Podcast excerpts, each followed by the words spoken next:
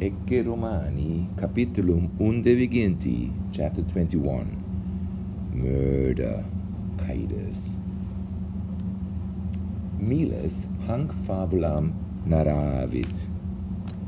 Duo amici, Aulus et Septimus, dum ite in Graecia faciunt, ad urbe Megaram venerunt. Aulus in Caupona pernoctavit, in villa hospidis Septimus media nocte dum septimus dormit aulus in somno ei apparuit et clamavit age septime fer mihi auxilium caupo me necare parat. Septimus somnio perteritus statim surrexit et postquam animum recuperavit nihil mali inquit somnium modo fuit deinde itrum optomivit.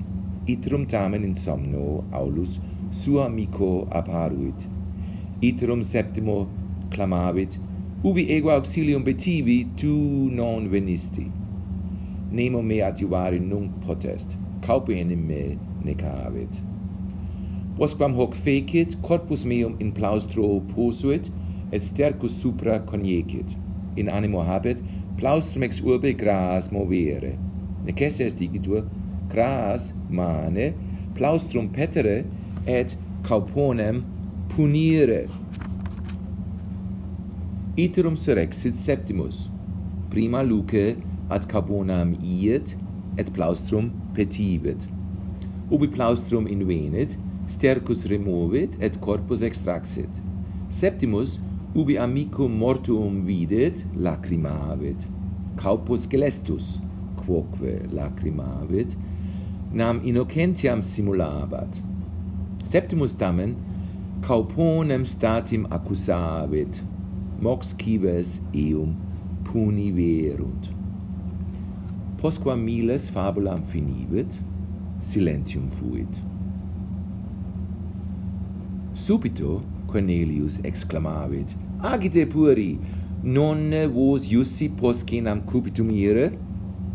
curat cupiculum non istis sed sextus nos quoque fabula militis audire voluimus non defessi sumus non sero est? Hoc tamen dixi sextus quod cupitum ire timebat. Tum enim fabula militis audiebat carbonem spectabat. Cogitabat quam scelestus ille caupo videtur? certe in animo habet, media nocte menecare, necesse est vigilare. Etia Marcus timebat, cogitabat tamen, si hic caupo est gaudio quod miles in carbona per noctat. Euclides certe nos adjuvare non potest.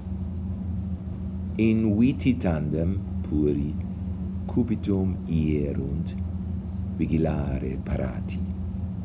Mox tamen semisomni fuerunt, previ tempore obdormivit Marcus.